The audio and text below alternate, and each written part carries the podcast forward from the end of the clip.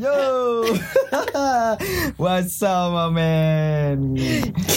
Saya Bakti di sini bersama siapa? Mada kumis tato. Oke, kali ini kita akan uh, bahas ngobrol-ngobrol santai soal tato ya. Yo, Ini kita udah di janjian di tempat apa? Coffee shop di Jogja namanya Kopi Koela. Oke, langsung aja ke Mada. Yo, Pertama kali pikiran punya apa namanya? Buka studio tato itu kapan? itu udah lama sih. Dari tahun berapa sebenarnya punya ide itu? Tahun 2012 tapi baru berjalannya tuh 2014 2015 lah. Karena kan sebelumnya eh, saya lebih suka di graffiti sih di mural Oh, mural dulu jadi anak graffiti terus ya apa pengen gambar-gambar yang ini unik gitu. ya Terus cobalah tato buka Nah, terus ya coba-coba itu tato. nyoba-nyoba tato pertama eh, teman saya itu yang jadi percobaan itu Oh, jadi temen tuh buat ini apa Iya. kayak latihan Iya, langsung buat uji coba itu dulu uji coba. Oh, gokil gokil nih. Asik nih. Pengen tahu lagi nih apa? Si temenmu ini keberatan nggak pertamanya waktu dicoba gambar-gambar gitu? Per- pertamanya sih ragu dia karena baru awalan tapi tak suruh nyoba dulu tak bujuk ternyata dia mau Oh mau. iya sampai Tahu apa mungkin lihat waktu dulu kamu suka graffiti graffiti itu mungkin ada basic gambar-gambar ya. iya ah, itu teman saya eh, tertarik pas tak liatin yang mau digambar di bagian tuh punggungnya itu Oh pertama tuh di punggung. Ini sambil ngerokok boleh loh santai-santai. oke oke mas nggak kena sponsor kok.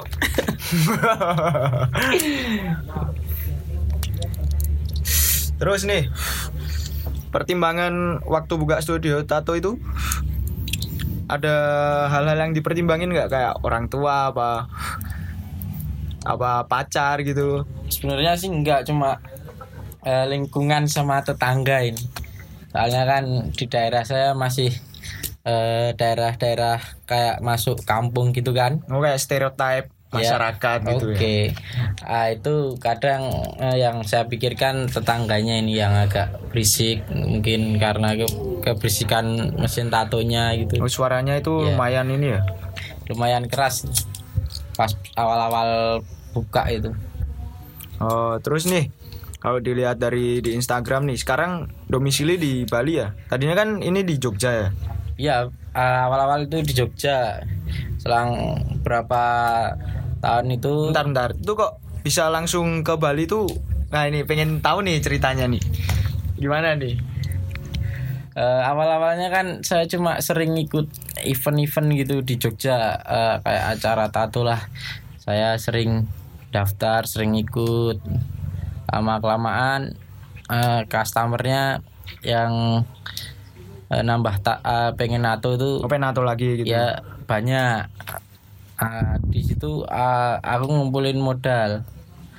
Dan kelama kelamaan tangan eh, lama-lama tangannya tuh kayak luwes gitu loh buat nato. Oh, asik. habis itu ada eh, studio tato di Bali mau buka. Nah, akhirnya saya daftar ke sana ikut studio tato itu keterima. Aku terima di Bali itu. iya lumayan. Udah satu tahun setengah lah di Bali Berarti event-event di Jogja ini sering ikut andil juga kan I- iya sama studio-studio tato lainnya yang di Jogja. Iya, iya, iya. Eh, ikut komunitas Gento juga eh, gerombolan tukang tato itu. Oh, Gento ya ya tahu tahu tahu. Gento itu kalau yang belum tahu nih namanya ini singkatan dari gerombolan tukang tato Yoi. di Jogja. Oh ini korek mas korek korek. Nih nih nih. Udah, udah, udah. Terus nih kalau sebelum ke Bali nih saingan studio tato di Jogja nih banyak gak sih? Lumayan banyak Hmm, karena eh, hampir semua teman saya yang dulu eh, buka studio tato Oh gitu. kayak saat kertas eh, Mangsi Tahu tahu tahu ya. terus masih banyak lagi sih sebenarnya kalau dihitung ya hampir semuanya kenal Oh berarti setiap studio tato ini kenal semua ya mas rata-rata ya? ya hampir semuanya kenal soalnya dari teman-teman lama sih itu Eh, terus ngomong-ngomong nih, masnya kan punya studio tato nih. Eh, apa namanya? Masnya sendiri nih punya tato nggak? Kira-kira ini. Kok aku penasaran ya. Soalnya di luar nih nggak kelihatan. Mungkin di dalam ada tato nih. ada sih sedikit eh, di punggung Oh di punggung itu terus apa? Digambar sendiri apa gambarin temennya itu mas? kalau di punggung ya gambarin sama teman sih cuma minta tolong suruh gambarin eh, sketch-sketsan yang aku minta Oh gitu. Oh ini nih nih ada nih nih di lengan nih. oh kalau Ini- yang yang di lengan nih gambar sendiri sebenarnya Oh ini berarti sambil buat ini ya ajar gambar-gambar sendiri gitu. Iya, eh, awal-awal beli mesin yang baru setelah setahun buka studio itu mau nyobain nak ditato sendiri tuh rasanya gimana sih? Terus tak cobain sendiri itu. Ternyata Oh. lumayan sakit. Ya sakit mas ditato. Terus nih mas, eh, waktu di Bali nih, sampai ke Bali itu apa namanya? Langsung banyak ini enggak apa job gitu apa nunggu kayak dari kan mas ikut studio di sana nih. Jadi mas kan artis gitu di studio sana. Terus tuh jobnya tuh kayak ditentuin dari yang punya tempat itu. Ya awal-awalnya sih eh, kan itu eh, tok studio tatonya baru buka. Awal-awalnya sih masih sepi. Mas sepi. terus lama kelamaan rame terus sama apa kayak pemilik studionya itu yang kerjasama itu disuruh dikasih job hmm, sehari nato berapa orang gitu misal tiga atau empat Oh gitu. Tapi nggak ditarget berapa orang gitu kan mas? enggak di sana lebih bawaannya be- bebas sih di sana mas Oh kayak sedatangnya orang aja gitu. iya karena di sana apa ya tukang tatonya juga banyak sih dari Iya teman-teman Jogja sih Oh dari Jogja juga banyak ya Iya ya? sekitar empat orang Empat orang ya. belum bilang apa belum bisa dibilang banyak gitu mas masih tapi banyak ya teman-teman apa maksudnya studio tato di Bali kan juga emang kayak ini kan udah ngerambah banget di sana mas Iya. Eh, juga sama tarifnya di sana tuh lebih mahal daripada di Jogja sih. Oh, oh ini nih Mas, asik nih kayaknya nih apa? Ngobrolin soal tarif nih. Kalau waktu dulu di Jogja sama di Bali itu, ada nggak kata harga temen gitu? Eh, ada sih kalau di Jogja. Oh, ada di Jogja. Di Bali maksudnya sih udah enggak. Eh, Oh, udah kayak profesional gitu Mas. iya. Soalnya Oh. kalau di Jogja kan eh, awal-awal aku buka di sana sendiri. Kemudian kan udah pindah di Bali kan tarifnya udah beda lagi. Oh, berarti kayak waktu di Jogja nih kayak rikuh gitu Mas. Apa istilahnya nggak enak hati sama teman sendiri gitu. Iya, soalnya ya gimana kebanyakan ya teman-teman sendiri sih yang nato dulu. Berarti Yang kan- ke Bali itu kayak ini ya Mas apa? Ya nggak dipungkiri sih Mas kayak kita kan tetap lama kelamaan juga butuh uang, butuh materi juga kan Mas. Iya, tahu sendiri di Bali apa apa mahal. Ya mau nggak mau tarifnya kita naikin. Bahkan bisa tiga kali lipat dari di Jogja. Hmm, banyak kan bule ya Mas Diana. Kalau aku lihat di Instagram itu. Iya, eh, lebih seringnya di bule. Kalau yang lokal sih seringnya malah di luar jam kerja itu. Oh, berarti ini Mas apa? Kayak sampingannya gitu yang Iya. kalau di luar jam itu. Ya yang di luar jam tuh lebih ke sampingannya sih di rumah yang di Bali sana. Oh, gitu. Instagramnya apa Mas yang di Bali itu?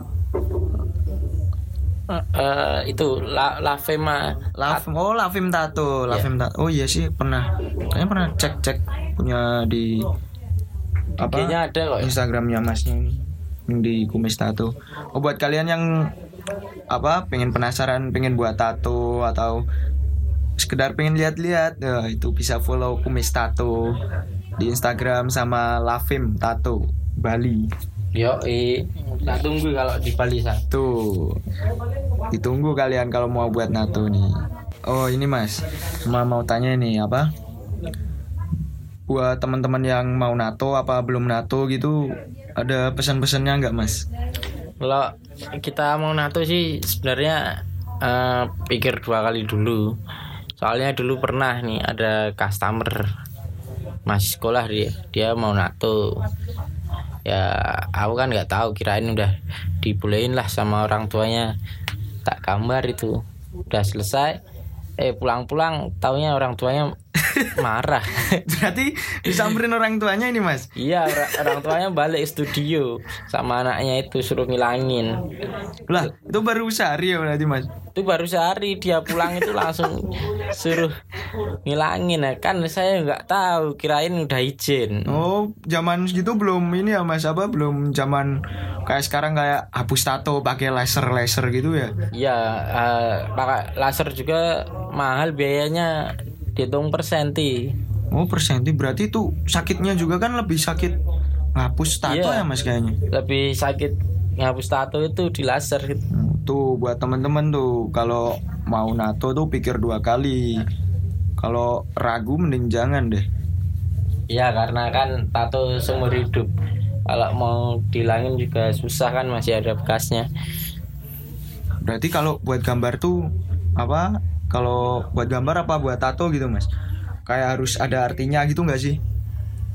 Ya itu tergantung sama itunya sih yang mau Yang mau ditato. ditato gitu. Tapi keseringan eh, setiap gambar yang mau ditato itu ada artinya Oh, semua. ada historinya sendiri ya gitu. entah Mas. itu realistis eh, kayak gambar wajah orang tuanya lah atau gambar ornamen-ornamen atau apa itu Oh ini mas, aku kayak apa ya pernah denger tuh kalau tato itu jangan nama pacar, jangan nama temen, sama ini apa namanya hal-hal yang buat lu kecewa gitu loh. Eh buat lu buat kamu ah sok-sokan lu gue nih. ya ya sih. Iya kan mas intinya kan kayak kalau wajah tuh wajah anak sama wajah orang tua itu kayak abadi sih menurutku. ya, Iya kan, gitu kan, Mas? ya nggak bisa diputus sod- eh, tali saudaranya kalau pacar atau istri janganlah kalau bisa Wah. soalnya sering eh, teman-temanku kayak gitu Waduh, pengalaman nih mas. enggak temen-temennya Oh sih teman. udah beberapa Tuh dengerin tuh eh, masnya tuh. Kayaknya pengalaman. Kalau nato orang yang mabuk itu pernah mas? pernah sih eh, dua kali atau tiga kali tuh temen sendiri tuh Kan teman sendiri juga. ya dia pas posisi mabuk tuh minta ditato ya udah aku tato ternyata malah tintanya susah masuk Oh, sebenarnya sih boleh nggak sih mas kalau ditato dalam keadaan mabuk tuh? sebenarnya sih nggak boleh Eh, kalau bisa eh, saat keadaan fit soalnya kan itu kayak eh, apa ya Oh kondisi tubuh kondisi itu. tubuhnya itu Iya sih mas kan ketusuk jarum banyak banget sih itu mas. Iya, eh, dulu pernah ada yang sampai pingsan karena dia mabuk itu. Ke- mungkin kecapean atau apalah Oh kayak nggak kuat gitu ya mas Iya. badannya. sampai dia pingsan terus ketiduran itu. Terus bangunnya gimana itu mas?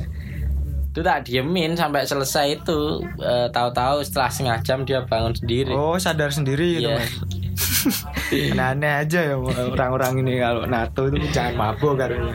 Jadi kalau mau nato tuh badan harus fit, tidur cukup, kayak flu, demam gitu, mending Ditunda lah. eh, ditunda dulu ya mas ya, mending. Kalau udah benar-benar fit badannya baru eh, Baru tato gitu. Ditato dulu. Oh. oh kebetulan nih mas, masnya kan lagi ini, mas Mada apa? Liburan di Jogja nih. Nah kalau balik ke Jogja sini tuh buka tato lagi nggak apa sekedar liburan aja terus balik lagi ke sana kerja lagi nato di sana lagi gitu. Eh, ini sementara masih liburan sih, tapi juga eh, open yang mau nato. Tapi eh, itu tak kasih tarif kan sebelumnya kan di Jogja nggak tak kasih tarif kan nah ini pas aku pulang ini tak kasih tarif minimal 800 lah buat Sekitar 800 ya. ya Oh biasanya minimal order tuh berapa mas? Kayak kecil lah mau besar kecil tuh buat tato tuh mulai harga berapa mas? kalau di Jogja sendiri sih mungkin sekitar 300 lah sampai 600 itu beda kalau di Bali Oh sekitar gitu ya mas ya. ya kalau di Bali nyampe paling kecil tuh 800 sampai berapa puluh juta itu ada banyak bule itu sering Oh yang diposting Mas Mada itu yang di Instagram yang satu lengan itu full itu itu habis katanya nih Mas habis 15 jutaan ya. ya sekitar segitu 15 atau 17 itu Wah berat nih kalau belum punya uang mendadak pengen tato gitu kan repot. Iya. Tahu sendiri kalau di Bali kayak apa. Iya sih Mas. Di sana juga apa ya? Serba mahal sih semua di sana. tarifnya udah beda sama di Jogja. Terus ini Mas pengen tahu proses jatuh bangunnya jadi apa? Tato artis tuh gimana Mas? oh banyak itu sebenarnya sih. Eh, awal buka itu eh, banyak yang remehin wah Mada sekarang nato nih buka tato. Pertama ya awal awalnya masih pakai dinamo dinamo itu ngerakit sendiri mesinnya eh ada sih yang ngatain wah entah lensnya lah entah gambar realisnya atau apalah masih kurang. Ya maksimal gitu. ya maklum lah masih. Pertama masih banyak saingan-saingan yang ngatain kayak gitu. Dari eh, mungkin eh, apa kalau ada sih yang ngatain kayak gitu dicuekin lah. Ya biasa sih kalau kayak gitu awal-awal kita buka jatuh bangunnya sih. Berat sih cobaannya. Berarti kayak intinya maju terus sikat semua gitu Mas. iya jangan sampai kendor lah. Babat alas ya kan? Ya itu ya, itu aku juga babat alas itu dari nol dari nggak punya alat sampai sekarang tuh aku udah beli eh, buat laser tatonya itu yang buat ngilangin Oh juga punya sekarang mas alatnya itu yang Alhamdulillah ngapus udah tato. udah punya ini dari kemarin habis ke Bali terus selang berapa bulan aku Nabung-nabung dulu ya mas ya? nabung dulu lah buat beli alat tatonya itu Oh gitu mas. Terus nih mas, eh, terakhir nih terakhir apa? Pesan buat teman-teman yang mau buka studio tato mungkin apa pengen jadi wah aku pengen ini nih pengen jadi tukang tato nih. Apa ini mas pesan-pesannya dari Mas Mada nih?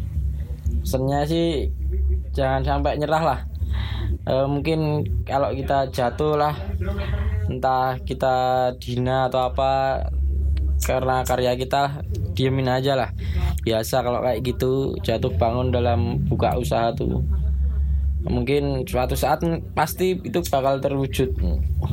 Kayak Eh, ini usaha tidak mengkhianati hasil ya. pokoknya terus berkarya berkarya aja lah eh, eh, buat kita agar tetap maju. Entah ntar hasilnya gimana tetap eh, kalau bisa jalan terus pokoknya. Dan sampai ada kata putus asa lah atau nyerah lah Jangan takut memulai gitu ya. ya jangan takut memulai semua karena kegagalan itu kita bisa belajar Oh dari kegagalan kita bisa bisa belajar. tahu kebenarannya Siap. Oke teman-teman, sekian dulu podcast dari kami. Saya Bakti undur diri. dan saya Mada Siap. Makasih Mas Mada. Thank you. Yuk, makasih.